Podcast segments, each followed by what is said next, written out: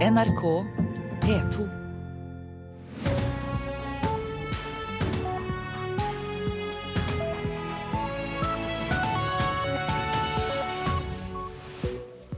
Ja, her sitter Øystein Heggen klar for å ønske deg velkommen til Nyhetsmorgen torsdag 12. mars. 6.30 er dette hovedsaker. Klima er ikke lenger det nordmenn er mest bekymret for. Nå er det religiøse konflikter. Bunnotering for Frp i NRKs kommunevalgsmåling, mens Senterpartiet kan juble. Det er kjempebra tall, det her. Så det er stor motivasjon. Det gir oss en utfordring, men jeg er veldig trygg på at eh, våre tillitsvalgte og folkevalgte der ute nå bretter opp ermene. Ja, Per Sandberg og Trygve Slagsvold Vedum får vi straks høre mer fra. FNs sikkerhetsråd får strykkarakter for sin innsats i Syria-konflikten i rapport fra hjelpeorganisasjoner. Og sesongen har vært så bra at avgjørelser om framtida blir ekstra vanskelige for Marit Bjørgen. Religiøse konflikter bekymrer oss mest, ifølge en ny MMI-måling. Det skriver Dagbladet.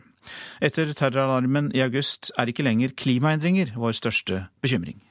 Religiøse konflikter og terror er nordmenns hovedbekymring. Det viser en ny måling MMI har gjort. 37% av oss sier at dette er den største utfordringen i verdenssamfunnet. For ett år siden var 23% av oss mest bekymret for klimaendringer.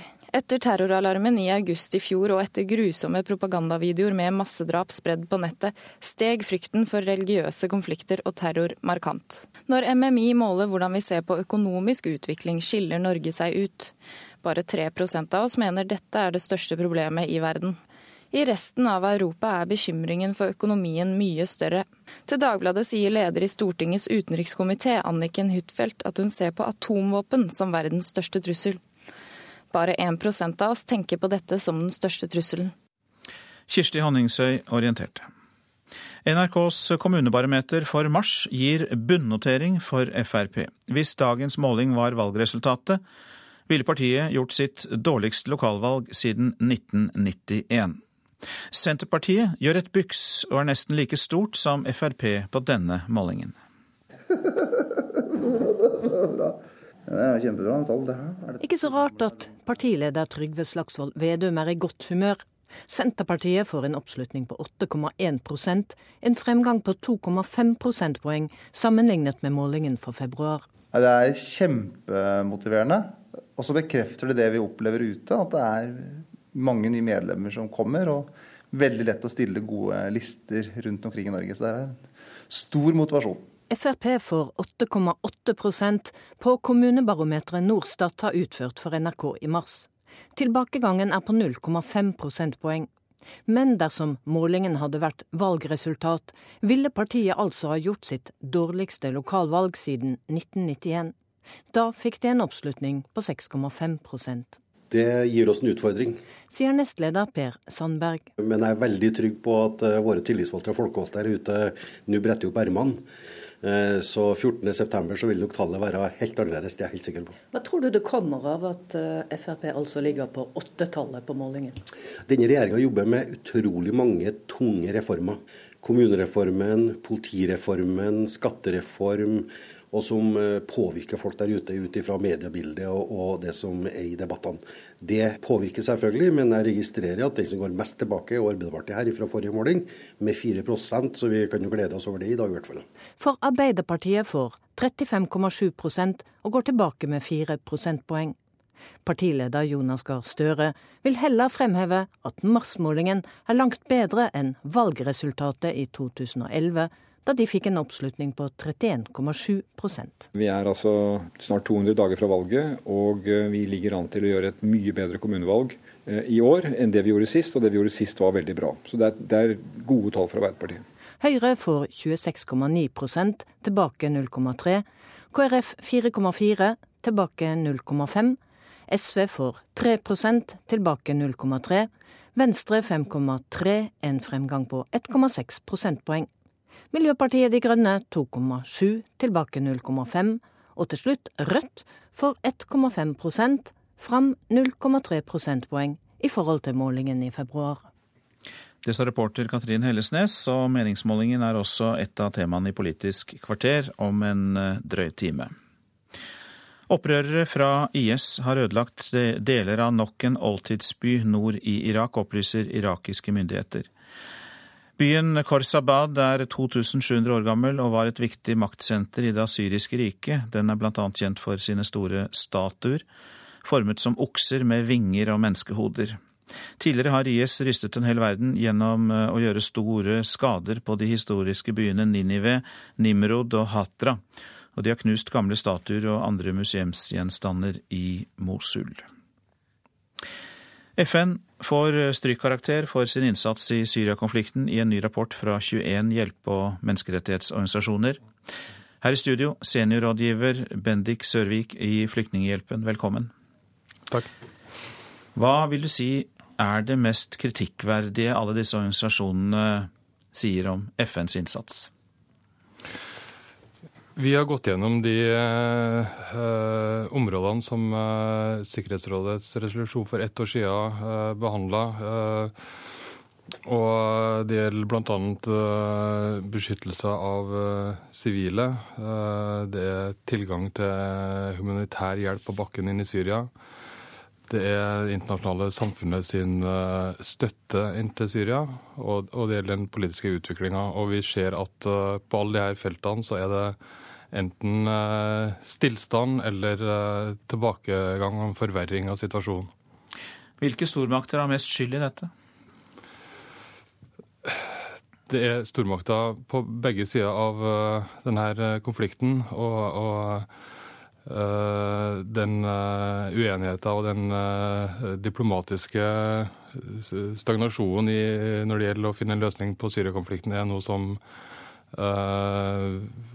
flere av Sikkerhetsrådets medlemmer eh, holdt på å si, er, er skyld i. Eh, Men det er jo et faktum at eh, Russland og Kina ville, lagt, ville lagt ned veto hvis man hadde gått lenger i vedtaket i Sikkerhetsrådet. Ja, og det er det, det, problemet man har støtt på til stadighet. og Derfor så var det nettopp et uh, veldig gledelig skritt i riktig retning da man uh, klarte å enes om denne uh, sikkerhetsrådsresolusjonen i fjor, som, som, ble fulgt opp av to andre sikkerhetsrådsresolusjoner. Dessverre så ser vi da som sagt på, på, bakken at det ikke fører til noen forbedring. så det, det det eh, tilsier jo bare at, eh, at vi, er nødt til å, komme lenger i, i, i, det arbeidet her. Og, og, de maktene som sitter på, si, på, begge sider av konflikten i Sikkerhetsrådet, og, og ikke minst uh, Russland, som jo en, gir en uforbeholden støtte til regimet, er nødt til å legge press på sine uh, si, sine klienter på bakken for, å, for å, å, presse dem til forhandlingsbordet. Eh, jeg tror det er gått opp for alle i dag at eh, det er ikke noe løsning utenom en eh, politisk forhandla løsning på, på denne konflikten. Konsekvensene er jo blitt det verste året for den syriske sivilbefolkningen fram til nå. Hva er det de opplever? Vi har sett en stor eh, økning i, i drap på eh, sivile. Uh, I fjor så ble 76 000 mennesker drept inn i Syria. Vi har sett en økning i, i angrep på sivil infrastruktur. Uh, vi ser at flere folk uh, flykter. Det er en eskalering i, i flukt på Syria. Og I dag så er over halvparten av Syrias befolkning på flukt, enten inne i Syria eller i nabolandene. Det er jo fire millioner registrerte flyktninger i, i nabolandene i dag. Og det her bare fortsetter. Uh, samtidig så ser vi også at, at, muligheten til å søke beskyttelse for de her sivile er, er, blir innsnevra. Uh, flere land har nå stengt mer eller mindre stengt grensene sine. og og det er som sagt ikke noe fremgang i, i, forhold til det å få nødhjelp inn i landet. Det kommer mye nødhjelp inn i Syria, men, men fremdeles så bor fem millioner i områder som er definert som uh, vanskelig tilgjengelig inn i Syria. Og her er det både byråkratiske og politiske uh, hindringer, i tillegg til sikkerhetsbildet på bakken som gjør det vanskelig å levere hjelp. Dette er eh, følgen av det dere altså da kritiserer. Det er over 20 hjelpe- og menneskerettighetsorganisasjoner som eh, gir strykkarakter til FNs innsats i Syria. Takk for at du kom, Bendik Sørvik, som eh, er seniorrådgiver i Flyktninghjelpen. Så skal jeg si litt om det avisene har på sin dagsorden. Kristine og Johanne dreper på TV. De splitter Norge, kan vi lese i VG. Dyrevernere tordner etter den omstridte serien Jegertvillingene på TV Norge, der Kristine og Johanne Tybo Hansen dreper villsvin, alligatorer og andre ville dyr. Barbarisk, sier noen. Tøffe jenter, sier andre.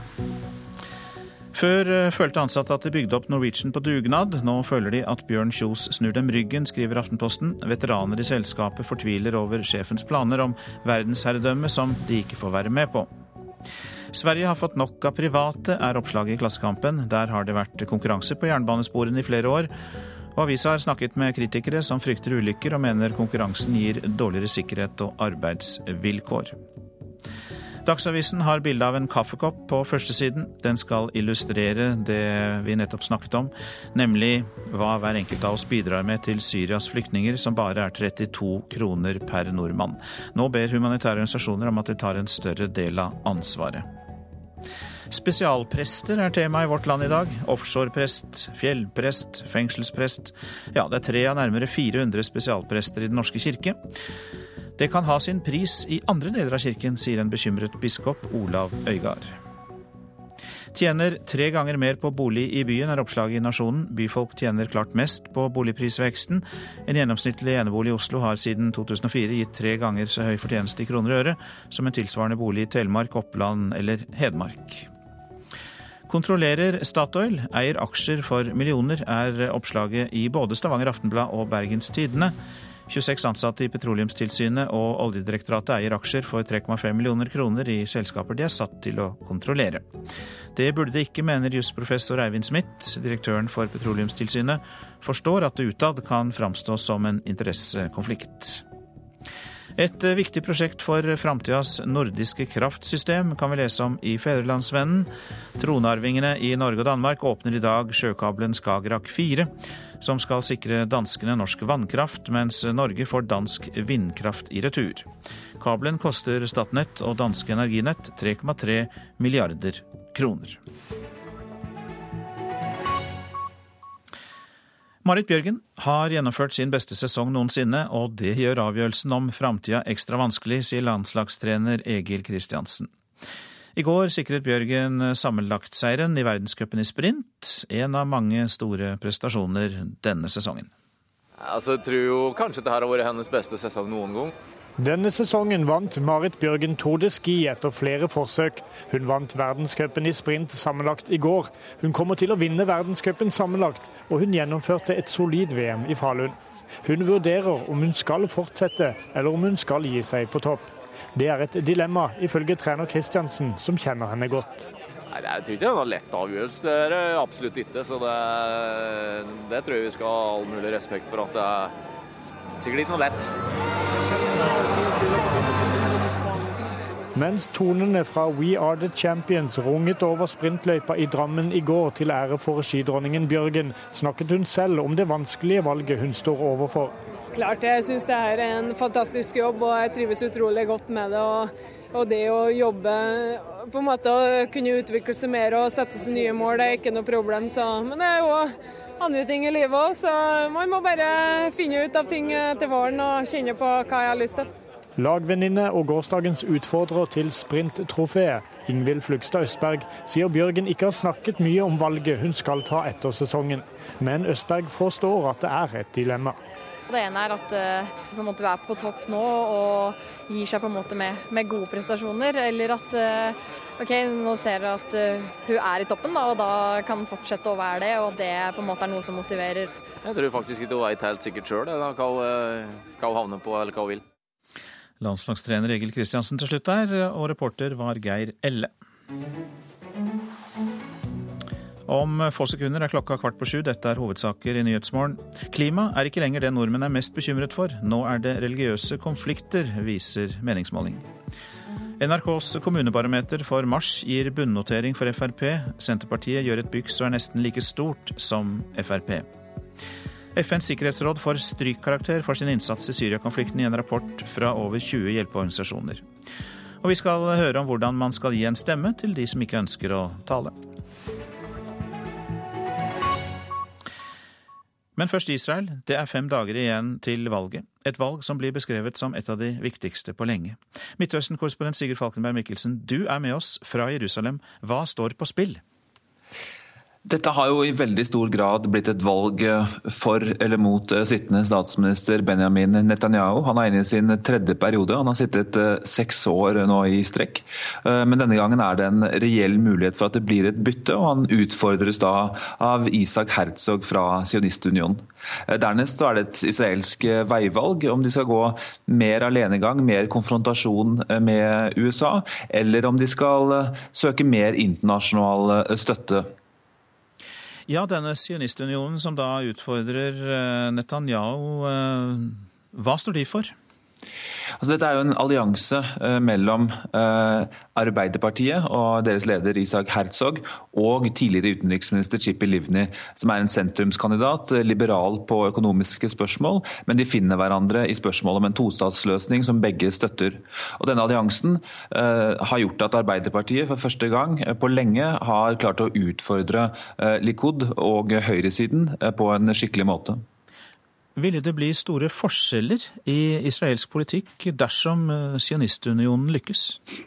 Det er det store eh, spørsmålet her. Eh, det gjenstår å se, og det er veldig mye som skal til. Det er langt fram ennå. Først skal de velge, så skal de vinne valget, og så er det også vanskelige koalisjonsforhandlinger. Men de har i hvert fall kommet med et detaljert program om hva de vil eh, gjøre. De fokuserer veldig på sosiale og eh, økonomiske spørsmål. Prøve å bedre forholdene for folk flest her.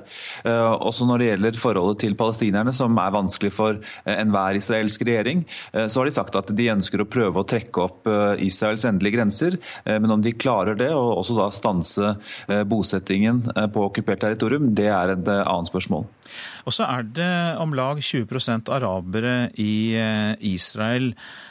Og de skal også velge. Har de noen innflytelse i det hele tatt, eller kommer de til å få det, tror du? Ja, Det er det nye ved dette valget. Det er at eh, alle de palestinske partiene samt et eh, samt Kommunistpartiet stiller en felles liste. Det er første gang det skjer i historien. Og Det gjør at den palestinske minoriteten kanskje kan få det tredje største eh, partiet i eh, det israelske parlamentet, Knesset. Eh, og De kommer jo ikke til å gå inn i regjering eller noe slikt og få innflytelse på den måten, men de vil i hvert fall bli et mye tydeligere talerør enn de har vært fram til nå. Fem dager igjen til valget. Du følger med på det for oss. Takk skal du ha, Midtøsten-korrespondent Sigurd Falkenberg Mikkelsen fra Jerusalem.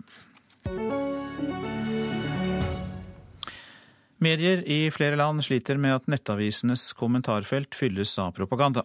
Nå har uh, informasjonskrigen kommet til Norge. VG-nett har oppdaget at russiske og ukrainske grupperinger bruker falske norske Facebook-profiler for å påvirke debatten i kommentarfeltene. Det forteller sosiale, medie, sosiale medier-ansvarlig der, Øyvind Solstad. Der har vi sett eh, en rekke eksempler på at uh, det lages profiler som utelukkende har som mål å, å, å spre eh, et, et politisk syn, eh, og som ikke brukes noe annet enn det.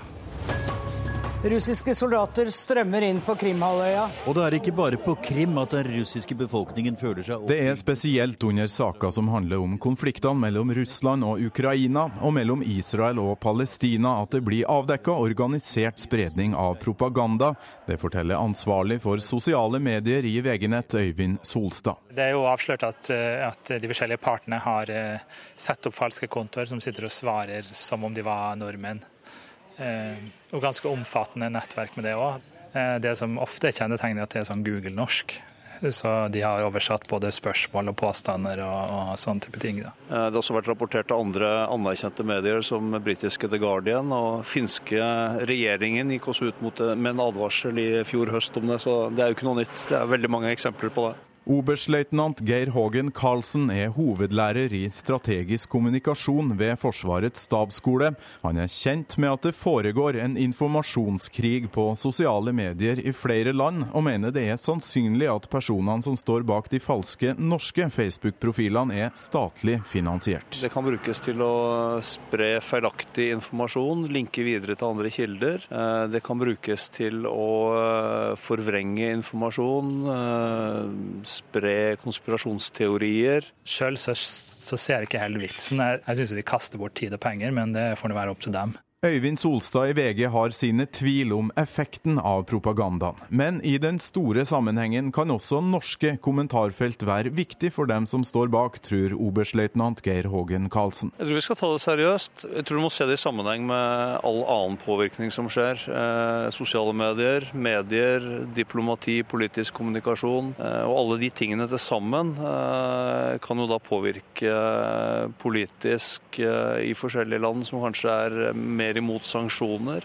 Og kanskje få EU til å begrense eller eh, stanse sanksjonene sine i fremtiden. Og Det er kanskje den viktigste hensikten akkurat nå.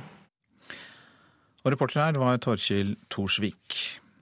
Ordet kommuneplaner vekker vel knapt noe begeistring hos 13-åringer. Men i Drangedal i Telemark skal åttendeklassinger få si sitt om kommuneplaner gjennom fotografier. Prosjektet Photovoice er en ny måte å snakke til politikerne på. Vi leter etter et godt motiv som jeg da kan eh, ta bilder i. Forskjellige perspektiver, da. Ja, det er vel ikke Vi er ved Tokke brygge. Sindre Solvang og Tarjei Tellefsen Haugland har med iPaden ut for å finne gode motiver. Hva er bra med Drangdal, og hva kan bli bedre? Nå er vi jakt etter det. Hvis du står og kikker utover, da. Så kan, hvis du står på gjerdet, så kan jeg ta bilde av deg. Ja, det står på gjerdet.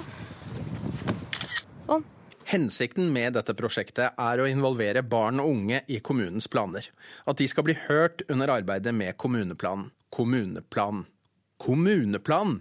Nei, uansett hvordan du prøver å si det, så er det altså ikke et ord som pirrer nysgjerrigheten hos ungdommen. Nei, det høres litt sånn uh, voksent ut og uh, ja. Så først så syntes jo det høres litt kjedelig ut, men uh, når vi begynte på det, så var det moro å ta bilder og vise hva du virkelig syns. Uh, I kroken, da. Det, det, vi bor i Juvasåsen. Og, og det vi bor, der er det ikke noe lys eller asfalt. Veiene er dårlige. Kreftene er tette, og alle stikkene er fulle av grus.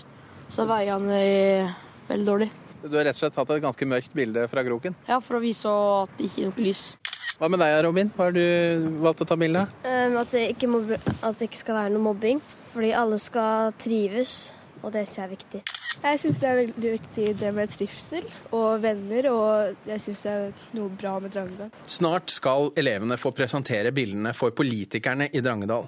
Og lærer Pål Heimdal håper politikerne tar seg tid til å se og høre på hva elevene har på hjertet. For eh, de har sin stemme, de òg, og nå kommer den til uttrykk ved hjelp av fotografier og bilder av ting de syns er bra med Drangedal, men også ting de syns kan bli bedre i Drangedal. Men har de klare tanker på det når dere har starta prosjektet? Absolutt, de har deltatt i debatter, de har diskutert med ordførerne allerede. Jeg håper de kommer til å snakke sammen med politikerne også til torsdag. Robin, kunne dere gjort det like greit bare med å fortelle det, eller har dere behov for de bildene?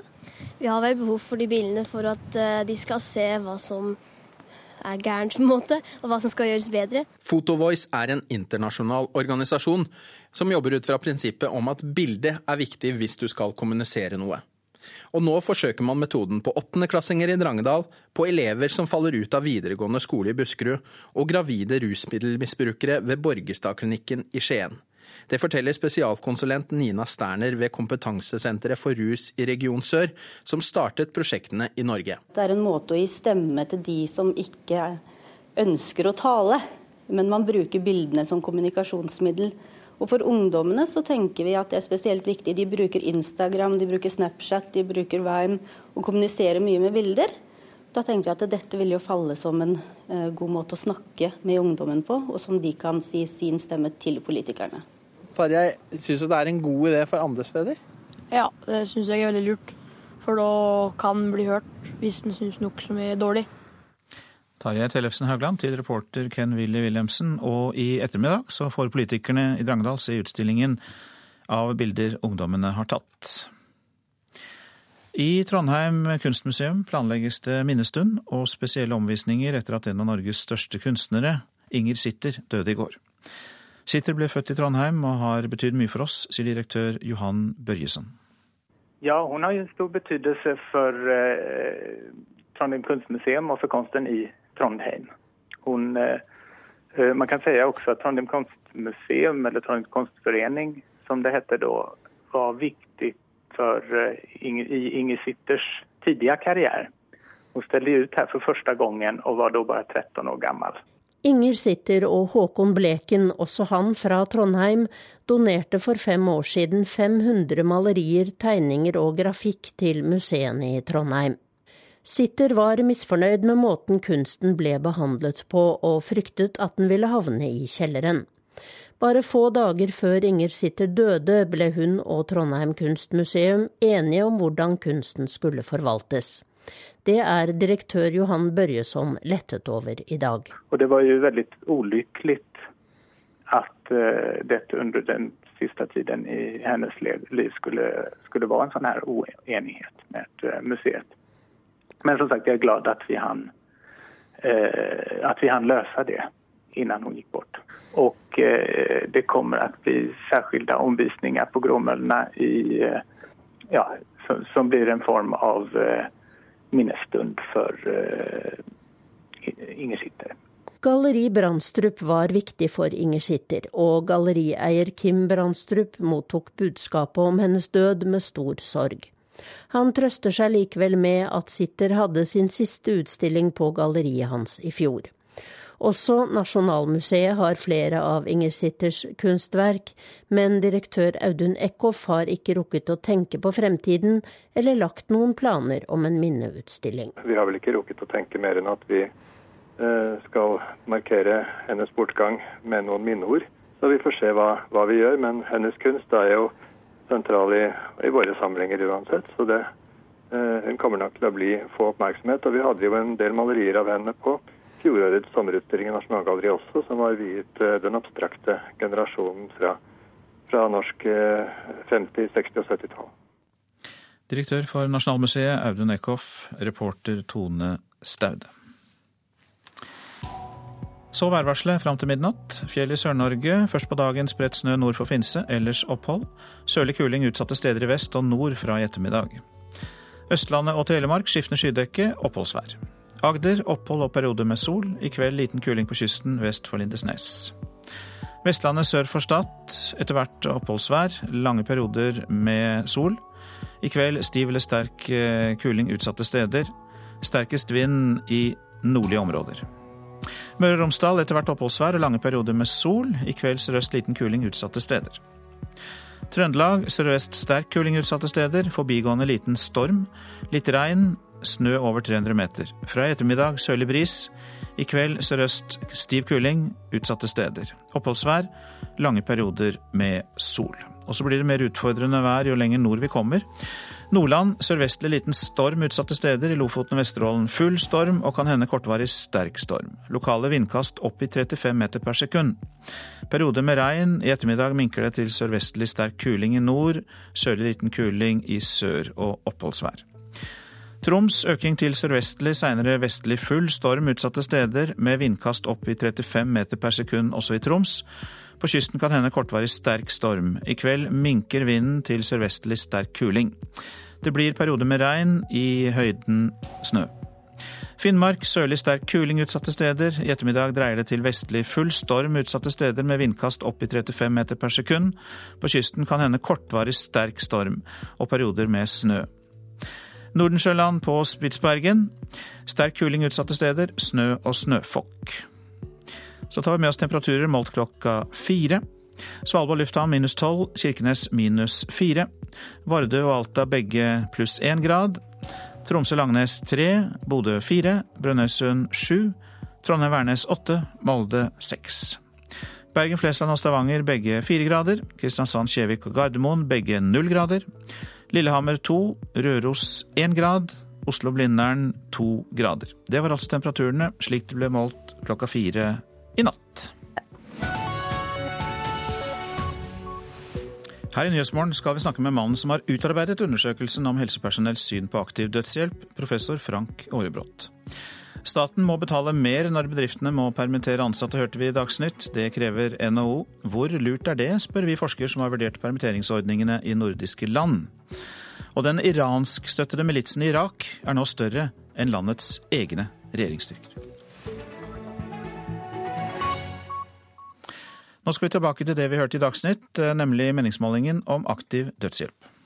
Syns du det bør være tillatt?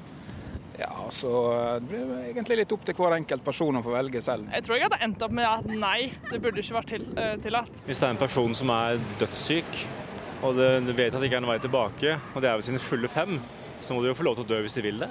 Jeg, har, jeg ser uh, argumenter for og imot, men jeg klarer ikke å ta stilling egentlig sjøl til hva jeg eh, mener om det. Jeg syns det er et veldig vanskelig spørsmål.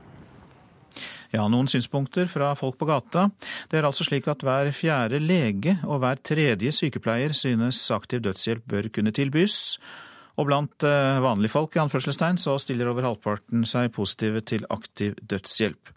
Det går altså fram av en undersøkelse som har kartlagt hvilke holdninger helsepersonell, pressefolk og befolkningen for øvrig har til aktiv dødshjelp gjøre jo, det tenker, til et familieanliggende. Ja. Og så tenker jeg at det der idealet om å være frisk og spre Fem sykepleiere rundt et bord. De debatterer undersøkelsen om aktiv dødshjelp. De får ikke ro den siste tiden de har igjen, da. Ja, altså, det, altså hvis, når folk på en måte I kartleggingen er følgende spørsmål stilt.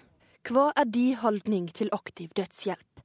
Mener du det er rett å ha mulighet til å kunne gi aktiv dødshjelp, eller mener du aktiv dødshjelp ikke skal være tillatt?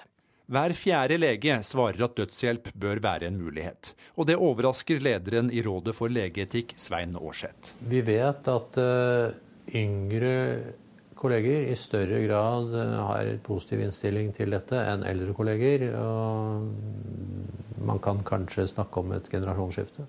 Sykepleierne uttrykker seg enda mer positivt. Hver tredje synes dødshjelp bør kunne tillates. Eh, men det er viktig å huske på at vi som sykepleiere er lært opp til å faktisk redde liv. Sier lederen i Sykepleierforbundet, Eli Gunhild By. Er det gangbar mynt for en sykepleier å synes dette i, eh, rundt lunsjbordet f.eks., eller i andre sammenhenger? Eh, der man har med syke og døende pasienter å gjøre, så har jeg et inntrykk av at eh, det må diskuteres, og det skal diskuteres hele tida. Nettopp fordi at vi har med mennesker å gjøre, og vi har hele tida ulike betraktninger eh, rundt det enkelte lidelse. I Norge er det ulovlig å hjelpe noen med å dø, og på Stortinget prøver ingen av partiene å endre på det.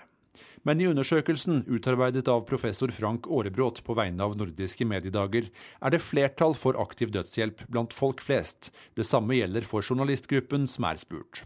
Spørsmålene er sendt ut før forrige ukes Brennpunkt-dokumentar om Siv Tove, som fikk hjelp til å dø i Sveits. Men en undersøkelse endrer ingenting, ifølge Aarseth i Rådet for legeetikk. Leger, som alle andre, skal få lov til å ytre sine meninger. Eh, men medlemmer av Den norske legeforening er bundet av våre etiske regler. Tilbake hos de fem sykepleierne er alle enige om én ting. Det er viktig å ta debatten. Det kan i hvert fall helt klart fastslå. Reporter her var Fredrik Lauritzen, og du kan klikke deg inn på nrk.no for å lese mer om undersøkelsen, men du kan også høre mer her i Nyhetsmorgen. For vi sier god morgen til deg, Frank Aarebrot. God morgen. Du er professor i sammenlignende politikk ved Universitetet i Bergen, er med oss fra studio der. Du har utarbeidet undersøkelsen. Ja, vi hørte lederen i Rådet for legeetikk er overrasket over at så mange leger, og altså hver fjerde, er for aktiv dødshjelp. Ble du overrasket? I en undersøkelse vil jo i enhver gruppe det være ulike meninger. Det er jo derfor vi stiller spørsmålet. Og jeg kan vel si overrasket i den forstand at uh, jeg kanskje ville ventet at minoriteten blant helsepersonell som kan eh, støtte det, uh, aktiv dødshjelp, er noe større enn hva jeg ville forventet.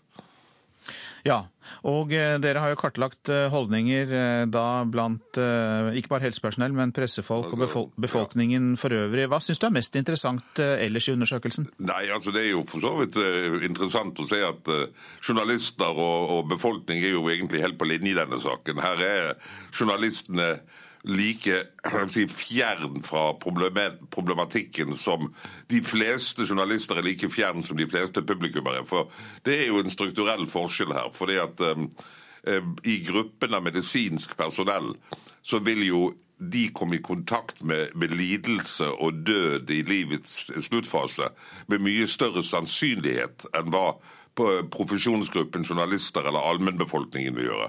Slik at eh, det at de eh, har en annen profil, og det er jo tross alt et, et like stort flertall mot dødshjelp blant helsepersonell som det er for dødshjelp blant allmennbefolkningen og journalistene. Og det tror jeg nok eh, Eh, et lite tankekors at de som i sitt yrke har eh, oftere kontakt med situasjonen, de er mer mot. Mens eh, de fleste, eller svært mange av journalister og, og publikummere, for dem er jo dette et teoretisk spørsmål, for de har aldri personlig stått overfor en, eh, en, situasjon med lidelse og død i, i nærmeste familie. Ettersom, ettersom, vi lever, så opplever vi jo det alle sammen på et eller annet tidspunkt. Men eh, blant yngre mennesker vil jo det være en, en spørsmålet virke mer abstrakt enn det vil virke for folk som har levd en stund. Og så er det partiene på Stortinget som eh, lager våre lover, og der er det ingen av partiene som ønsker å legalisere aktiv dødshjelp. Uh, vil du si at politikerne er i takt eller utakt med folket? Ja, i en viss forstand er de i utakt med folket, men så er jo det også spørsmålet hva du skal gjøre, hvordan liksom systemer, politiske systemer står overfor potensielle kulturforandringer. Det er jo slik at vi tar et, et ordentlig uh, lang, langt syn på spørsmål om selvmordet, altså den frivillige utgang av livet, så har jo det innenfor vår kulturkrets forandret seg over tid. I antikken var selvmord, eh, altså i førkristen antikk, var selvmord en, eh, en, en, måte å unngå ikke bare lidelse på, men også unngå skam på. Eh, og vi har jo sett i andre kulturer at når du tillater selvmord av lidelse, så har det ofte, ofte ført til at du f.eks. får lov å begå selvmord av skam. Eh, og det er jo kanskje et like lite tankekors når vi ser i sammenlignende data fra f.eks. de landene som har innført dødshjelp, at eh, problemet som jeg tror det flertallet av helsepersonell som er mot, ser, er jo selvsagt at vi har sett at nederlenderne f.eks. begynte med aktiv dødshjelp for syke som hadde det veldig vondt og ønsket å gjøre slutt på livet. Og Belgia fulgte etter. Men så katolske Belgia går enda lenger og begynner å tillate dødshjelp ned i tolv års alder. ikke sant? Da begynner du plutselig å se at her, her står vi overfor kanskje en, en, situasjon som man ikke får helt kontroll over i forhold til en kulturendring. Og eh, Politikerne våre i Stortinget sitter jo med disse dataene fra andre land når de har foran seg denne problematikken. De har altså tilgang til et internasjonalt materiale som folk flest ikke har tilgang til. Så jeg tror nok at uh, det er en av grunnene til at det er liksom frykten for en kulturforandring. Det er liksom slik at uh, det var kristendommen i middelalderen som nedsatte forbudet, absolutte forbudet mot selvmord, og gjorde selvmord til en dødssynd i den katolske kirken. Uh, så dette, denne diskusjonen om dødshjelp er jo egentlig et uttrykk for den sekulariseringen som samfunnet har gått gjennom i sin alminnelighet. Jeg tror altså derfor at Eh, spesielt dette som har skjedd i Belgia, som politikerne våre er veldig klar over, gjør at de er veldig engstelige for at vi skal komme på en slags slippery slope. Og eh, i disse landene heter jo aktiv dødskjøp eutanasi. Og, og, Vi har jo vært kjent med i moderne tid at eh, i hvert fall i visse diktaturer har hatt eutanasiprogrammer der du ikke snakker om frivillig, døds, ja, frivillig aktiv dødshjelp, men aktiv dødshjelp som ikke er frivillig. Og Det er jo sånne, sånne problemer som, som oppstår. Det er store etiske problemer. Og Derfor er det viktig å gjøre som Aarseth i Legeforeningen sier, at det er ikke en undersøkelse som skal føre til at man endrer holdning i denne saken her. Her er det, som en av damene de du intervjuet på gaten sa at dette er et veldig komplisert spørsmål, og det er viktig at de diskuterer det. Og det er nok en holdning som dersom vi hadde spurt om viktigheten av diskusjonen, mm. så hadde vi nok fått en, en profil med større enighet mellom helsepersonell og publikum enn det vi har fått. Takk for at du tok oss gjennom disse dilemmaene, Frank Aarebrot, som altså har utarbeidet undersøkelsen og er professor ved Universitetet i eh, Bergen. Snart er det klart for det som noen politikere kanskje vil kalle vårens vakreste eventyr, nemlig revidert nasjonalbudsjett. NHO har i hvert fall sine krav til regjeringen for å få et mer bedriftsvennlig budsjett. Direktør for arbeidslivspolitikk i NHO, Svein Oppegård, han mener at staten må ta på seg en større del av regningen når en ansatt blir permittert. Vi ønsker at uh, den såkalte arbeidsgiverperioden, altså den delen av permitteringsperioden hvor bedriften må betale lønn, skulle være noe uh, kortere. Og vi ønsker at muligheten til å permittere burde utvides fra et halvt til et helt år. Før betalte bedrifter lønn til en permittert ansatt de første ti dagene, men fra januar i fjor endra den blå regjeringa reglene, sånn at bedriftene nå må betale lønna de første 20 dagene. Oppegård er spesielt bekymra for oljeindustrien på Vestlandet. Mange velger å si opp ansatte i stedet for å permittere, og da frykter han at de gir slipp på verdifull arbeidskraft. Vi ser at vestlandsindustrien, som jobber innenfor verftssektoren, olje- og gassektoren, er den næringen hvor det er eh, størst konjunktursvikt. Eh, Dvs. Si at man mister en del oppdrag, og man har ikke nye oppdrag på kort sikt. Da er bedriftene nødt til å tilpasse kostnadene til inntektene, og uten inntekter så er det ikke mulig å betale lønn. Derfor så ønsker bedriftene å bruke permitteringsreglene slik at man kutte kostnader, men samtidig har arbeidskraften disponibel. Hege Nergård Michaelsen er personaldirektør i firmaet Compass Group Norge. De ansatte i firmaet lager mat og vasker på plattformer, og ellers holder dagliglivet der ute i gang.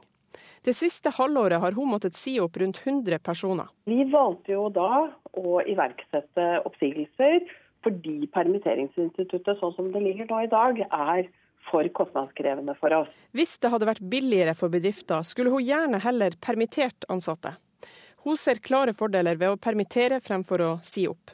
Det har mange fordeler. og Det handler jo om kompetanse. Det handler om altså individuell kompetanse, men det handler vel så mye om, om eh, hva skal jeg si, å beholde et godt arbeidsmiljø. Mange der ute har jobbet eh, sammen i veldig mange år, kjenner hverandre veldig godt og fungerer som, som supre team. Årsgjennomsnittet for helt permitterte i 2014 var 1700 personer. Ikke siden før finanskrisa har tallene vært på samme lave nivå. Seniorrådgiver i Nav Johannes Sørbø tror nok det at bedrifter i dag må betale lønn de 20 første dagene i stedet for 10, påvirker tallene. Er klart Når det blir dyrere for eh, bedriften å, å permittere, så, så, vil jo antagelig færre gjøre det. Sånne regelverksendringer vil òg påvirke, påvirke, tallene. Så eh, Det er jeg nok enig med NHO i. Samtidig har permitteringstallene gått opp de to første månedene i 2015. NHO utfordrer nå regjeringa til å gjøre endringer allerede i revidert nasjonalbudsjett, men eh, statssekretær i Arbeidsdepartementet Kristian Dahlberg Hauge fra Frp har ingen umiddelbare planer om noen endring. Det vi kan si er at Regjeringen følger nøye med, og vi vil komme med tiltak når det er nødvendig. Det vil man gjøre enten både i revidert eller ved senere tidspunkter. fordi På den ene siden skal man sørge for at kompetanse kan bli beholdt, men på den andre siden må man unngå at man får en såkalt innlåsingseffekt. At arbeidskraft som man trenger andre steder i andre næringer på andre arbeidsplasser, blir holdt i permittering for lenge. Reportere her Hedvig Bjørgum og Eva Marie Bullai. Jørgen Svalund, du er forsker ved Fafo, og i din doktorgrad så, så du bl.a. på permitteringsordningen i de nordiske landene etter finanskrisa. Velkommen til oss. Ja, eh, antall dager arbeidsgiverne har vært nødt til å betale ved permittering har variert i disse landene. Hvordan har vi i Norge brukt dette som politisk virkemiddel? Um, nei, altså det har vært mye brukt uh, i krise, sånn som i finanskrisa. Så så blei det mye brukt av, av, bedriftene. Og da uh, satt, uh, ble den her arbeidsgiverperioden senka fra ti dager til fem. Samtidig ble den utvida til et år fra 30 uker, som var tidligere. tidligere. Så, sånn sett så har det blitt variert kostnadene og mulighetene til bedriftene etter konjunkturer. Men er, permitteringsordninga er en gammel ordning, og det er lett å tenke seg at eh, den kanskje er litt særnorsk. Men det er ikke tilfellet. Det her har vært brukt i eh, finnes i veldig mange OECD-land. Eh, og også i de andre nordiske landa. Men, men, det, men, det, er forskjeller i de nordiske landene, så vidt jeg har skjønt? Ja, altså um, Ordningen som er i Norge, er uh, relativt dyrt. Og også en undersøkelse rett etter finanskrisa. Da var jo kostnadene i Norge lavere enn i dag, men selv da så var den norske ordninga av de aller dyreste i OECD.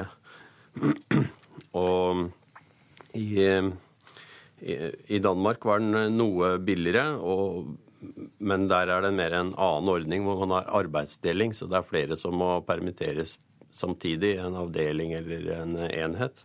Når du snakker om billigere, så er det da slik at det er mindre penger å betale for staten? Inn, ja, ja. inn, inn i denne ordningen? Mm. Det er billig.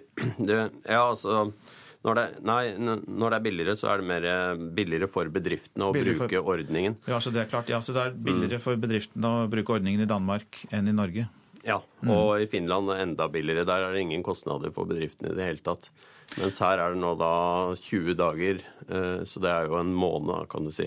Så når, så når NHO går ut med dette her, så eh, kan man ut ifra det nordiske sammenligningsgrunnlaget til en viss grad forstå det. Altså De ser på sine kolleger i nordiske land og at, ser at de betaler mindre for permitteringer enn det de gjør i Norge. Ja, men eh, i Sverige der har de ikke en sånn ordning. Så, sånn sett så nærmer jo regjeringa seg en måte å ordne arbeidslivet på som man har i, i, Sverige. Men der fikk bedriftene store problemer i etterkant av finanskrisa med å klare å omstille seg, fordi de måtte si opp ansatte og mista verdifull kompetanse. Som når oppturen kom seinere, så sleit de svenske industribedriftene med å klare å konkurrere med sine tyske og norske og danske konkurrenter. Ja, fordi arbeidskraften eh, var da ikke permittert og hadde funnet seg andre jobber, hadde på en måte forsvunnet da, fra ja. bedriftene, og så var det problemet med å komme tilbake med samme kompetanse. Ja, eh, det er eh, en av fordelene med en permitteringsordning er at man kan klare å beholde kompetent arbeidskraft. og eh, Spesielt i deler av industrien så er det mye det vi kaller bedriftsspesifikk kompetanse. Altså arbeidstakere som har eh, lært ting på jobben og, eller gjennom kursing. Spesialmaskiner, det er høy kompetanse som kreves, men det her er ting som opparbeides i, i den enkelte bedrift. Så når bedriftene mister eh, den kompetansen, så kan det ta lang tid å få henta inn igjen eh, tilsvarende kompetanse. Og så vil NHO også øke bedriftens mulighet til å permittere i ett år istedenfor i et halvt år. Eh, ja, tror du det også da blir veldig viktig for bedriftene for å holde kompetanse? Ja, det er, det er viktig, for det er både noe jeg fant i min studie, og noe som tidligere andre studier i Norge også har vist at når eh, lengden er kort, mulighetene for å permittere eh, lenge er, er små, så kan ikke bedriftene f.eks. bruke rullerende permitteringer. Rullerende permitteringer er at, at mange i bedrifta blir permittert litt, istedenfor at noen blir permittert over en lengre periode. Når det er veldig kostbart i starten av permitteringsperioden, så må eh, Da blir det billigere å permittere kun noen få. Og det, det medfører jo at noen da blir helt utafor og mister kontakten med arbeidsplassen, og kompetansen blir svekka. Takk skal du ha, Jørgen Svalin, som er forsker ved Fafo. Dette er Nyhetsmorgen. Klokka den går mot 7.22. Dette er hovedsaker. NRKs kommunebarometer for mars gir bunnotering for Frp. Senterpartiet gjør et bygg som er nesten like stort som Frp. Hver fjerde lege og hver tredje sykepleier syns aktiv dødshjelp bør kunne tilbys, viser meningsmåling. Og som vi hørte, staten må betale mer når bedriften må permittere ansatte, krever NHO. Den Iran-trenede sjiamilitsen som nå kjemper mot IS i Tikrit i Irak, er tallmessig helt overlegen landets egne regjeringsstyrker. Det innrømmer USAs forsvarssjef i en kongresshøring. Iran ble et av hovedtemaene da Senatets utenrikskomité diskuterte presidentens utkast til nye fullmakter for å bekjempe IS. Når Senatets utenrikskomité innkaller USAs utenriksminister, forsvarsminister og forsvarssjef til høring om hva slags fullmakt Kongressen skal gi presidenten til å krige mot IS, da er det alvor. Mange av senatorene var svært opptatt av Irans rolle i den samme krigen, bl.a. i kampene som nå pågår i og rundt byen Tikrit. Det deltar rundt 1000 soldater fra sunnistammer, én brigade på rundt 3000 mann fra de irakiske sikkerhetsstyrkene og noen hundre antiterrorsoldater i kampene i Tikrit, svarte forsvarssjef Martin Dempsey.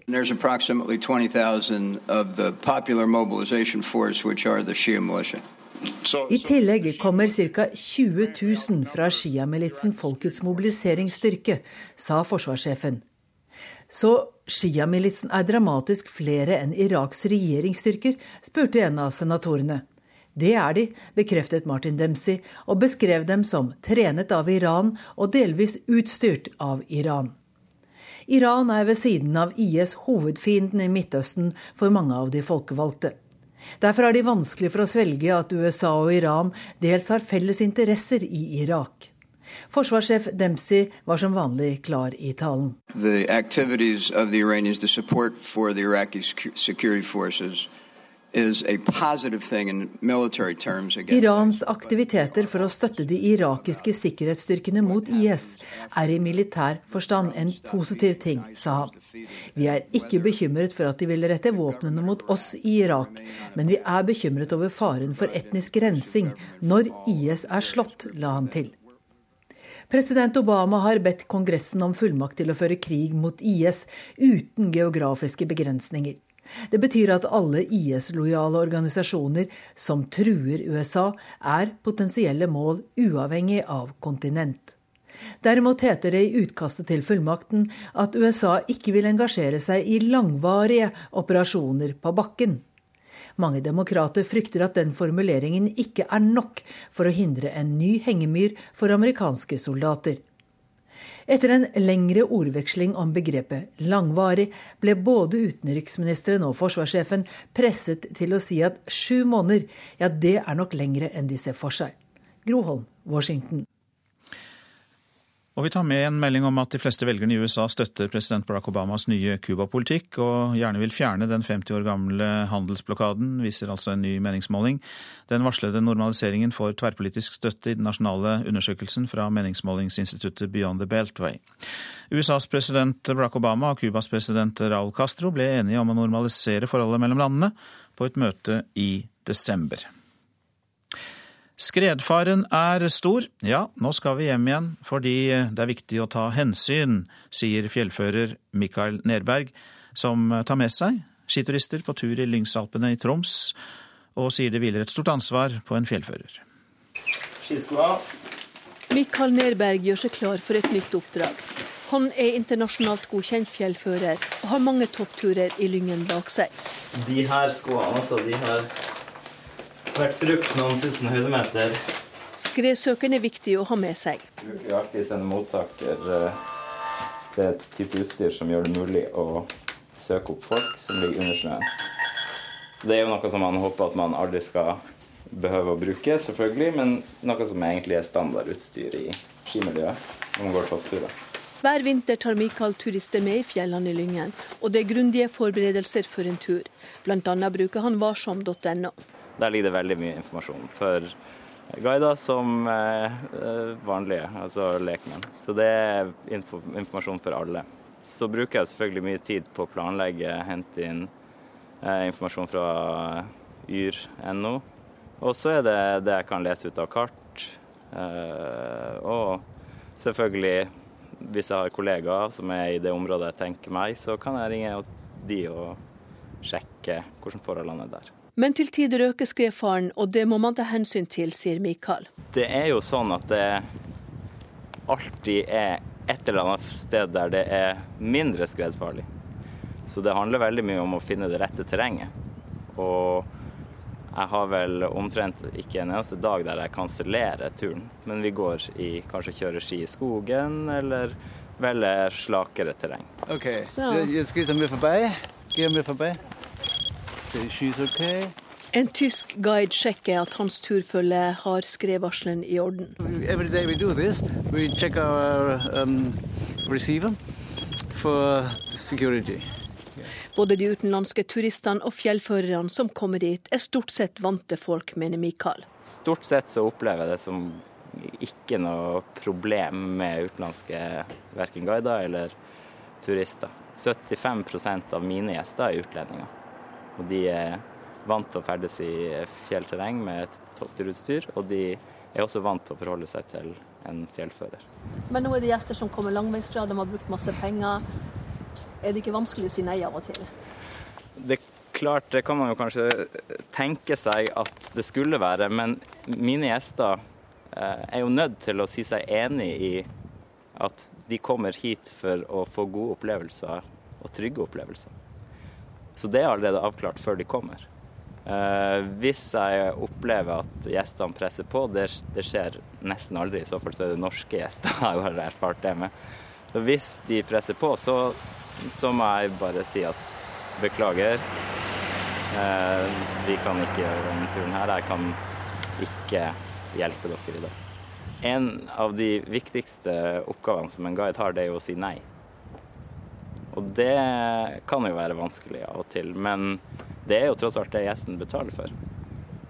De, det, det, er den viktigste jobben du gjør. Så det må man bare Når man er fjellfører, så, så er det naturlig. Reporter i Lyngen var Laila Lanes.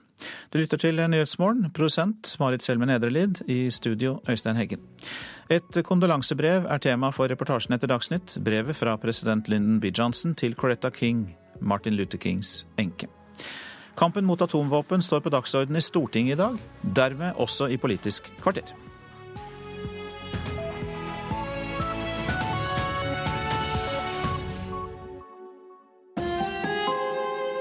Hør ekko.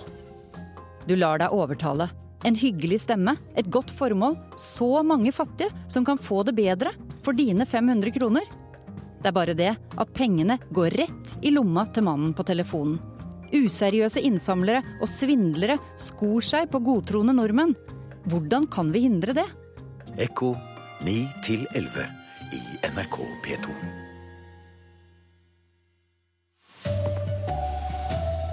En av fire norske leger er positive til aktiv dødshjelp. Senterpartiet går mest fram og Arbeiderpartiet mest tilbake på NRK sitt kommunevalgbarometer. Marit Bjørgen har hatt sin beste sesong noen gang. Det kompliserer valget hun skal ta til våren. God morgen, her er NRK Dagsnytt klokka 7.30. Hver fjerde lege og hver tredje sykepleier mener aktiv dødshjelp bør kunne tillates. I resten av folket stiller over halvparten seg positive til aktiv dødshjelp. Det går fram av ei undersøking som har kartlagt hva holdninger helsepersonell, pressefolk og folket ellers har til aktiv dødshjelp jo, men jeg tenker, ja. Og så tenker jeg at det der idealet om å være frisk og spre Fem sykepleiere rundt et bord. De debatterer undersøkelsen om aktiv dødshjelp. De får ikke ro den siste tiden de har igjen, da. Ja, altså, det, altså hvis, når folk på en måte I kartleggingen er følgende spørsmål stilt. Hva er din holdning til aktiv dødshjelp? Mener du det er rett å ha mulighet til å kunne gi aktiv dødshjelp, eller mener du aktiv dødshjelp ikke skal være tillatt?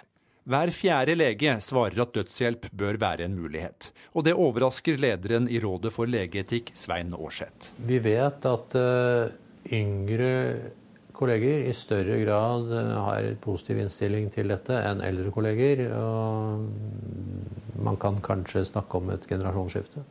Sykepleierne uttrykker seg enda mer positivt. Hver tredje synes dødshjelp bør kunne tillates. Eh, men det er viktig å huske på at vi som sykepleiere er lært opp til å faktisk redde liv. Sier lederen i Sykepleierforbundet, Eli Gunhild By.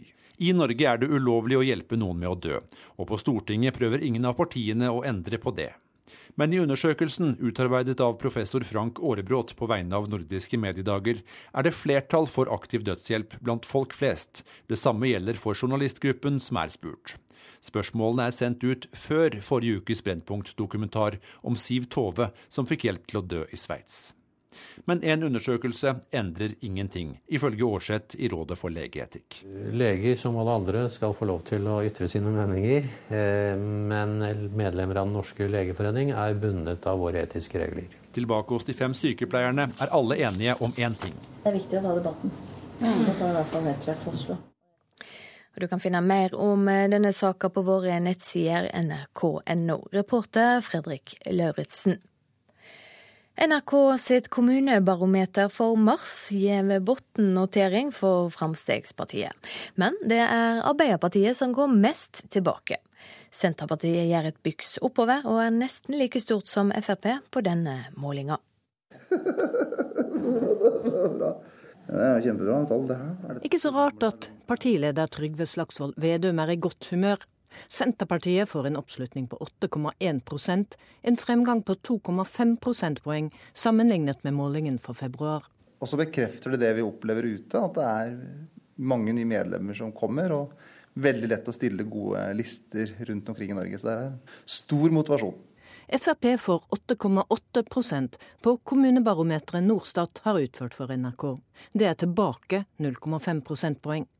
Dersom målingen hadde vært valgresultat, ville partiet altså gjort sitt dårligste lokalvalg siden 1991, da de fikk 6,5% Det gir oss en utfordring. Sier nestleder Per Sandberg. Men jeg er veldig trygg på at eh, våre tillitsvalgte og folkevalgte her ute nå bretter opp ermene. Eh, så 14.9 så vil nok tallet være helt annerledes, det er jeg helt sikker på. Arbeiderpartiet får 35,7% og er partiet som går mest tilbake på målingen, med fire prosentpoeng. Og alle taler for meningsmålinger finner du på nrk.no. Reporter Katrin Hellesnes. Og det er straks 200 eh, dager til kommunevalget. Kommentator Lars Nehru Sand, Arbeiderpartiet går mest tilbake med fire prosentpoeng. Hva forteller det? Det betyr at det går i motsatt retning for Arbeiderpartiet lokalt når man spør om eh, kommunevalg, sammenlignet med når man spør om stortingsvalg. Og Det eh, bringer en ny spenning inn i kommunevalgkampen, at den eh, nærmest større effekten man har sett nasjonalt, ikke lar seg overføre til lokalvalget i like stor grad, og at Arbeiderpartiet fortsatt gjør det dårligere ved spørsmål om lokalvalg. Er det noen av partiene som bør uroe seg over disse resultatene? Det er klart For både SV og Fremskrittspartiet på, på, fløyene så er dette urovekkende tall. Begge partiene ser ut til å gjøre et dårlig lokalvalg. Det i seg selv er ikke så overraskende, men det skjer på, på litt ulik vis i, i, deres politiske liv. SV skal reise seg etter regjeringsdeltakelse. Fremskrittspartiet skal unngå for mye regjeringsslitasje. Og dårlige eh, kommunevalg vil for begge partiene starte interne debatter eh, som er større enn akkurat valgresultatet i seg selv. Kort til slutt, kan regjeringsslitasje slå ut for, for de andre av regjeringspartiene og styringsstøttepartiene? Ja, det kan det selvfølgelig. Vi ser at Venstre har eh, spesielt mange velgere på gjerdet akkurat nå. Eh, for Høyre sin del så ser vi at det som ofte skjer med Høyre, nemlig at man mobiliserer godt i lokale valgkamper fordi man har sterke og, og kjente ordførerkandidater, spesielt i store byer. Takk skal du ha, Lars Nehru Sand. I USA skal to politifolk være skutt i den amerikanske småbyen Ferguson utenfor St. Louis i delstaten Missouri. De to skal ha blitt truffet under en demonstrasjon utenfor politistasjonen, melder nyhetsbyrået Ap. I går trakk politimesteren i byen seg etter at politistyrken i lengre tid har vært skylda for rasisme. Uroa i Ferguson ble utløst da en politimann skjøt og drap en uvæpna svart tenåring i august i fjor. FN og verdenssamfunnet får strykkarakter for innsatsen i Syria-konflikten. En rapport fra 21 hjelpe- og menneskerettsorganisasjoner slår fast at FN ikke har nådd målene sine om å få slutt på åtakene mot sivile. Folk i Syria har aldri hatt det verre, sier seniorrådgiver Bendik Sørvig i Flyktninghjelpen. Vi har sett en stor økning i drap på sivile. I fjor ble 76 000 mennesker drept inn i Syria. Vi har sett en økning i angrep på sivil infrastruktur. Vi ser at flere folk flykter. Nok et angrep i den syriske byen Aleppo. Lidingene er enorme. Og det har altså ikke blitt bedre, ifølge de 21 organisasjonene som har lagt fram rapporten. Tvert imot. 2014 har vært det verste året for de som bor i Syria etter at konflikten starta for fire år siden. Tryggingsrådet i FN har gjort sine vedtak, men har ikke fulgt opp, sier Bendik Dørvik. Dessverre så ser vi da som sagt på, på bakken at det ikke fører til noen forbedring. Reporter Eivind Molde. NHO krever at staten tar en større del av regninga når ansatte blir permitterte. I dag må bedriftene betale lønn de første 20 dagene av permisjonen. NHO vil ha tilbake den gamle ordninga der bedrifter bare betalte de første ti dagene. Det sier direktør for arbeidslivspolitikk i NHO, Svein Oppegård. Vi ønsker at uh, den såkalte arbeidsgiverperioden, altså den delen av permitteringsperioden hvor bedriften må betale lønn, skulle være noe uh, kortere. Og vi ønsker at muligheten til å permittere burde utvides fra et halvt til et helt år. Hvorfor skal felleskassen betale mer til bedriftene for dette? Det er god økonomi for det norske samfunn. Det å ha den kvalifiserte arbeidskraften tilgjengelig når de store oppdragene igjen kommer tilbake til olje- og gassektoren. Fordi olje- og gassektoren utgjør en veldig, veldig viktig del av den norske industrien. Skaper store verdier for fellesskapet, sikrer oss gode inntekter fra aktiviteten i olje- og gassektoren. Reporter Hedvig Bjørgum. Russiske styresmakter er inne i et vennskapsår med det totalitære Nord-Korea. Et kulturutvekslingsprogram skal ta vennskapsbåndene til, eh, til, nye høgder, opplyser russiske UD. Nord-Koreas leder Kim Jong-un har takka ja til å komme til Moskva i mai. Så sport. Marit Bjørgen har gjennomført sin beste sesong noen gang. Det gjør avgjørelsen om framtida ekstra vanskelig. I går sikra hun sammenlagtsiger i verdenscupene i sprint, en av mange store prestasjoner denne sesongen. Klart jeg syns det er en fantastisk jobb og jeg trives utrolig godt med det. Og, og, det å jobbe på en måte å kunne utvikle seg mer og sette seg nye mål, det er ikke noe problem. Så. Men det er jo andre ting i livet òg, så man må bare finne ut av ting til våren og kjenne på hva jeg har lyst til. Lagvenninne og gårsdagens utfordrer til sprinttrofeet, Ingvild Flugstad Østberg, sier Bjørgen ikke har snakket mye om valget hun skal ta etter sesongen. Men Østberg forstår at det er et dilemma. Det ene er at uh, på en måte er på topp nå og gir seg på en måte med, med gode prestasjoner. Eller at uh, ok, nå ser dere at uh, hun er i toppen, da, og da kan hun fortsette å være det. Og det på en måte er noe som motiverer. Jeg tror faktisk ikke hun vet helt sikkert sjøl hva, hva hun havner på eller hva hun vil. Ja, Det sa til slutt landslagssjef Egil Kristiansen til reporter Geir Elle. Ansvarlig for eh, Dagsnytt denne morgenen, Jan Erik Bjørnskaug. Teknisk ansvarlig Marianne Myrhol. I studio Silje Sande.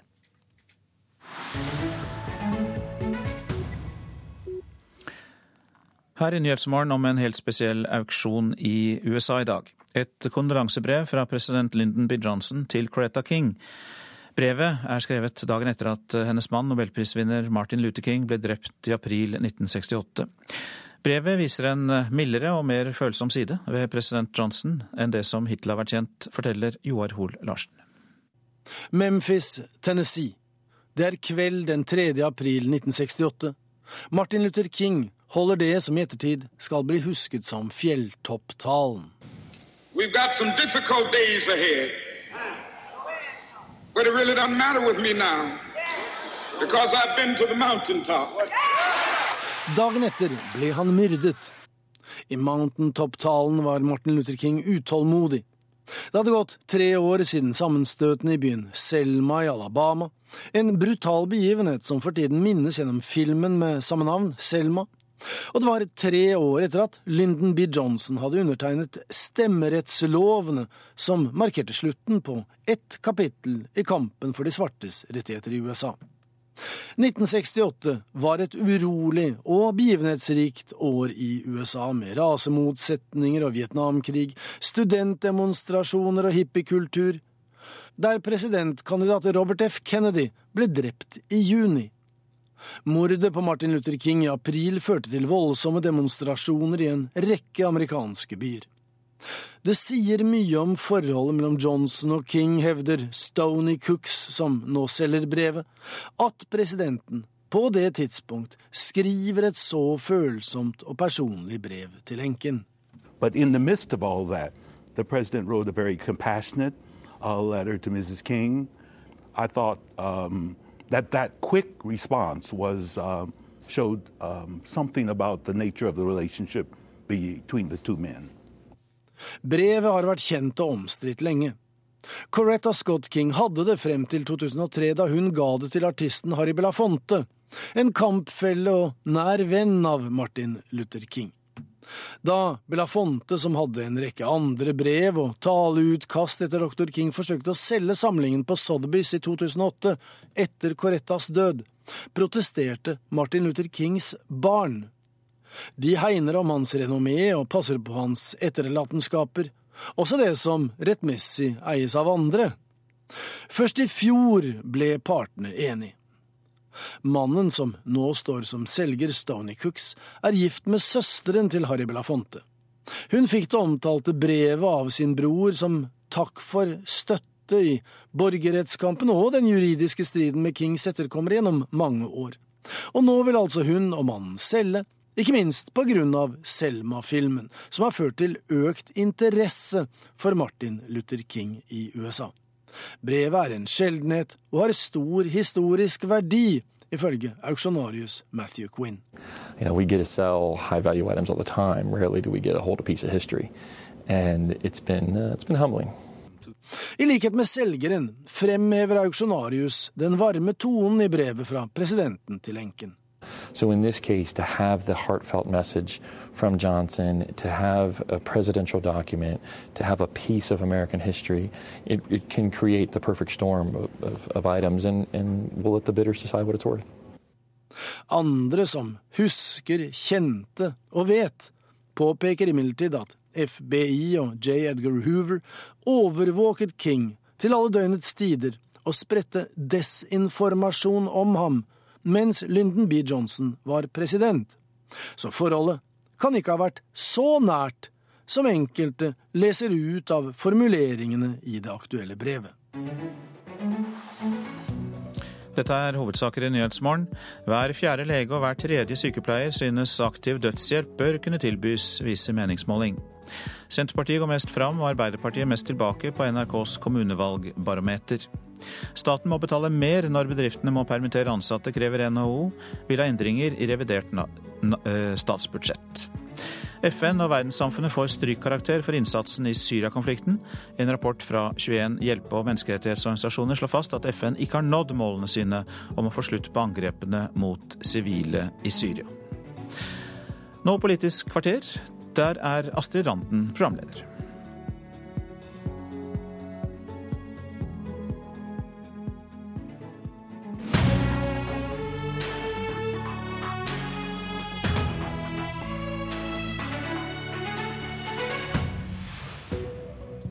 Opposisjonen fremmer i dag forslag om å forby atomvåpen. Dette vil undergrave vårt forhold til Nato, svarer regjeringa.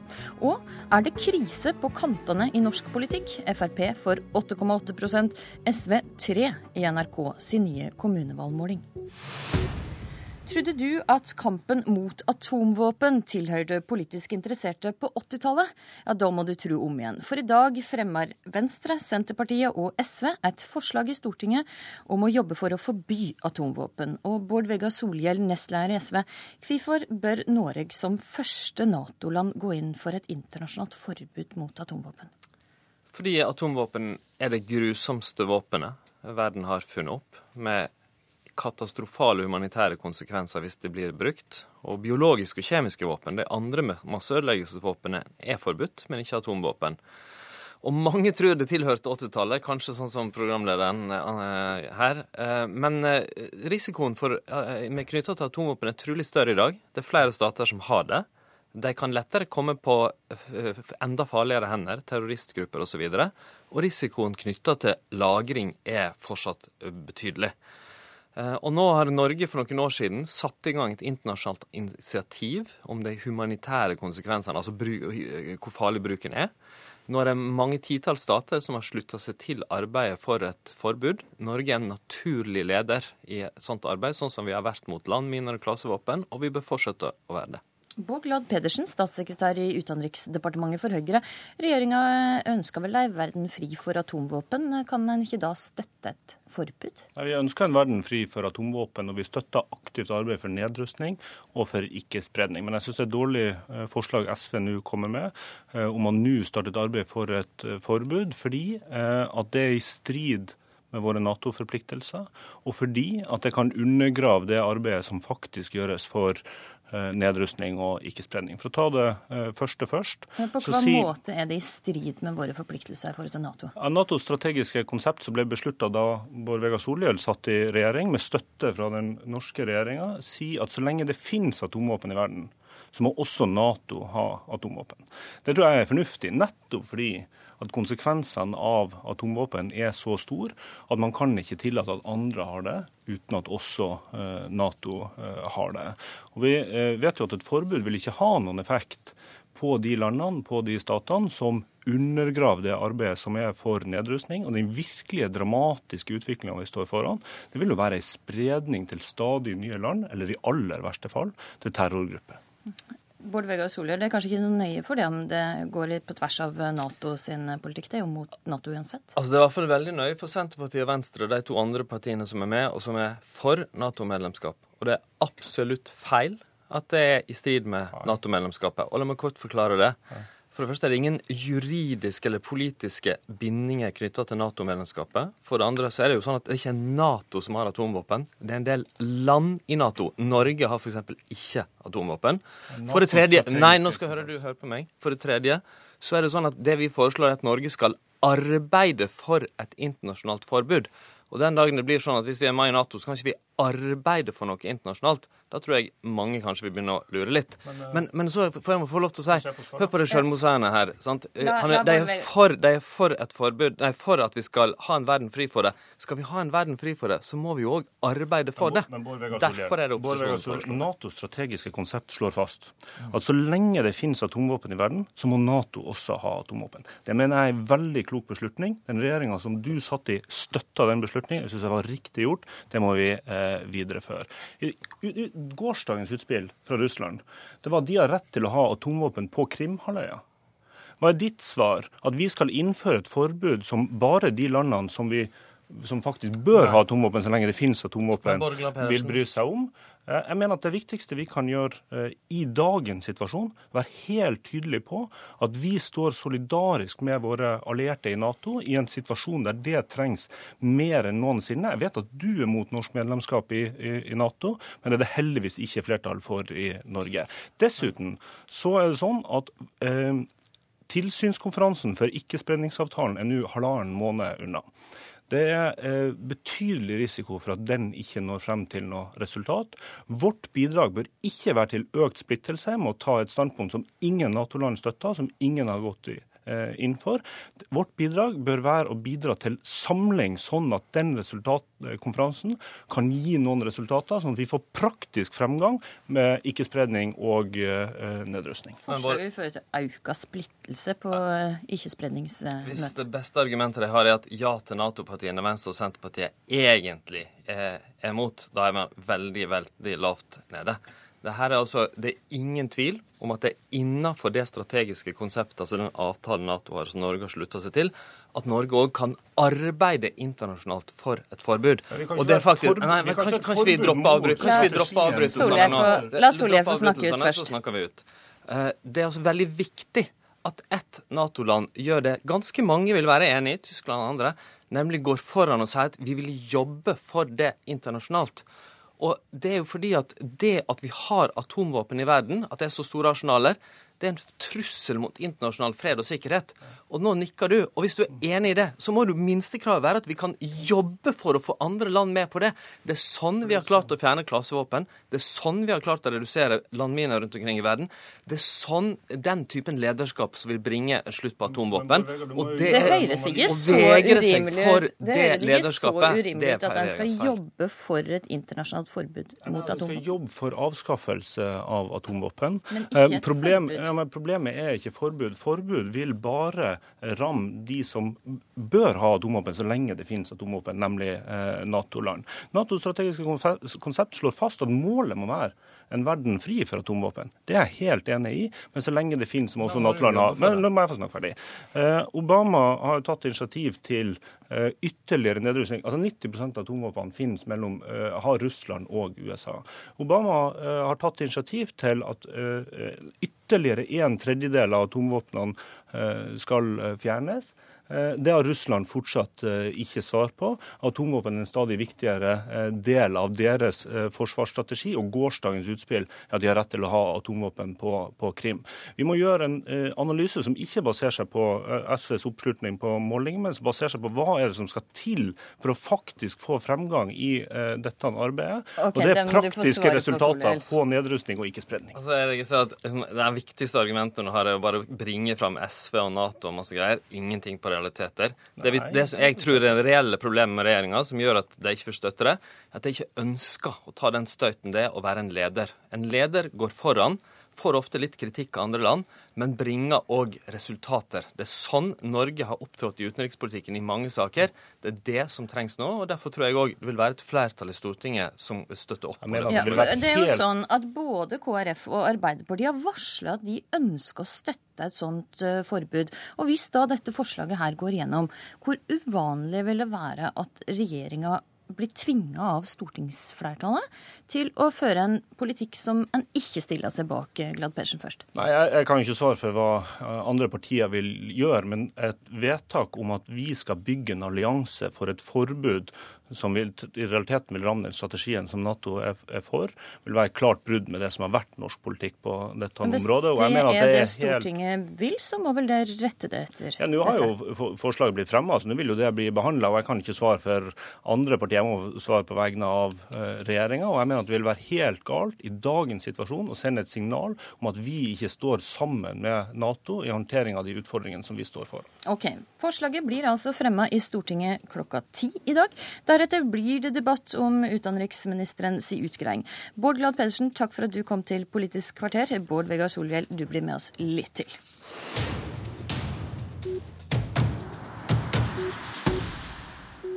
Som jeg har hørt i Dagsnytt, har vi ei helt fersk meningsmåling her i NRK i dag, der vi spør hva ville folk stemt hvis det var kommunevalg i dag. Bare 3% sier de ville stemt SV og Bård Vegar Solhjell det starta altså landsmøte i morgen, og du kunne kanskje tenkt en litt bedre start? Altså, Jeg liker gode meningsmålinger bedre enn dårligere, men jeg bryr meg utrolig lite om begge deler. Uh, om, Blir ikke litt jeg, dårlig stemning? Altså, jeg har, jeg har, for mange år siden oppsummert for meg sjøl at politikere som bryr seg masse om meningsmålinger, uh, det blir bare rot. Man må bry seg om de verdiene de skal slåss for. Man må bry seg om å finne gode, gode løsninger for framtidas Norge. og Eh, nå bør vi bry oss om at vi har en, den blåeste regjeringa Norge har hatt, og lage et godt alternativ til den. Men hva er din analyse av hvorfor det går så dårlig med SV nå? Jeg tror SV uh, fortsatt har mye hva skal jeg si, negativt som sitter igjen etter året i regjering der vi fikk skylda for mange ting som ikke gikk galt, mens Arbeiderpartiet og Senterpartiet fikk skryt for masse, masse som gikk bra. Men det viktigste er hva vi kan gjøre med det sjøl. Og det vi kan gjøre med det, det er å lage gode forslag og løsninger som folk er opptatt av, som er viktig for folk framover. En heldagsskole som, eh, som, som... Kan, eh, som, kan, være den store norske neste velferdsreformen god miljøpolitikk, fordelingspolitikk. Det er det, det er det, vi er politikere for. Det er å lage Som gode løsninger. vi vil høre mer om eh, i helga. Og i morgen er altså Audun Lysbakken gjest i Politisk kvarter, som da blir sendt fra landsmøtehotellet til SV på Gardermoen. Hege Ulstein, kommentator i Dagsavisen. I en kommentar i avisa så skriver du at hvis en skal være riktig stygg, så kan en sammenligne SV sin posisjon med et dårlig nachspiel. Hva mener du med det? Ja, Nå er det spørsmål om vi skal være så stygge så tidlig på morgenen. Men eh, nei, altså poenget er at uh, festen er over for SV.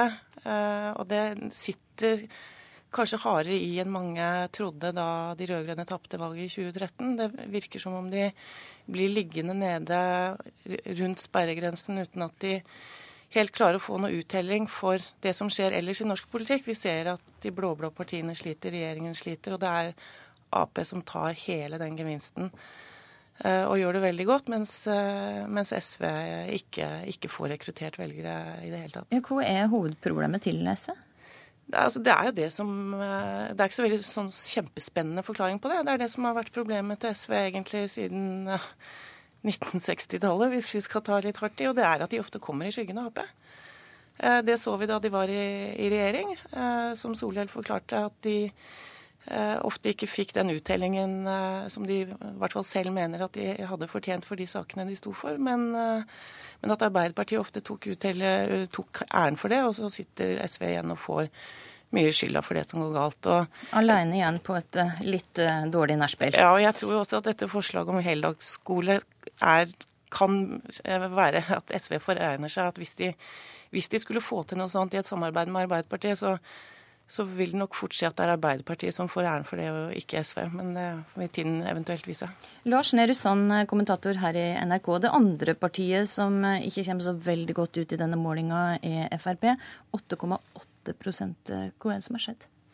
Det er naturlig å koble det til en viss eh, regjeringsslitasje når de for tredje måned på rad med korrigerte tall ligger eh, an til å gjøre et kommunevalg på under 10% Jeg tror eh, Frp Det vil utløse no, noen interne debatter bare om man ser nitallet, og, og enda, med enda større styrke hvis man, hvis man ser åttetallet. Det som er FrPs eh, problem, er selvfølgelig at det er vanskeligere for Frp å løfte seg i kommunevalg enn i eh, stortingsvalg. De har sterke men få eh, lokale profiler, og gjør det ofte dårligere ved lokalvalg. Begynner en i Frp nå å diskutere regjeringssamarbeidet, Ulstein?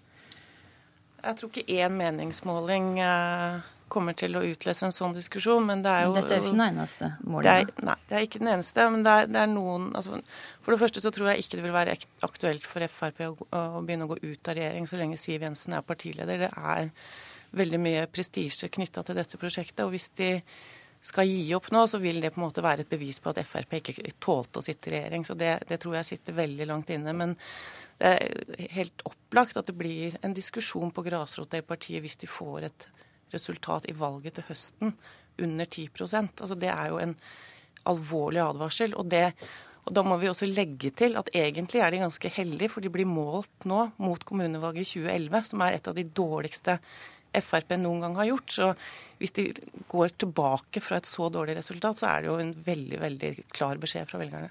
Vi må kjapt innom ei sak til, for senere i dag så er planen at regjeringa og samarbeidspartiene skal legge fram forslaget til endringer i arbeidsmiljølova. Men det er fremdeles usikkert om KrF blir med eller bryter. Lars Nehru Sand, hva er siste nytt fra forhandlingene? De tok en uventa vending i går kveld. Eh, som du sier, så er det ikke nødvendigvis sikkert at Kristelig Folkeparti blir med eh, videre og helt i mål. Eh, samtidig kan det være at dette blir løftet opp på parlamentarisk ledernivå for å, å prøve å få til en firepartis enighet som vil kle regjeringssamarbeidet best. Vi får følge med på nyhetene utover dagen. Men det var Politisk kvarter slutt. I studio i dag var Astrid Randen, og vi er tilbake samme tid, samme kanal, i morgen. Hør flere podkaster på nrk.no podkast.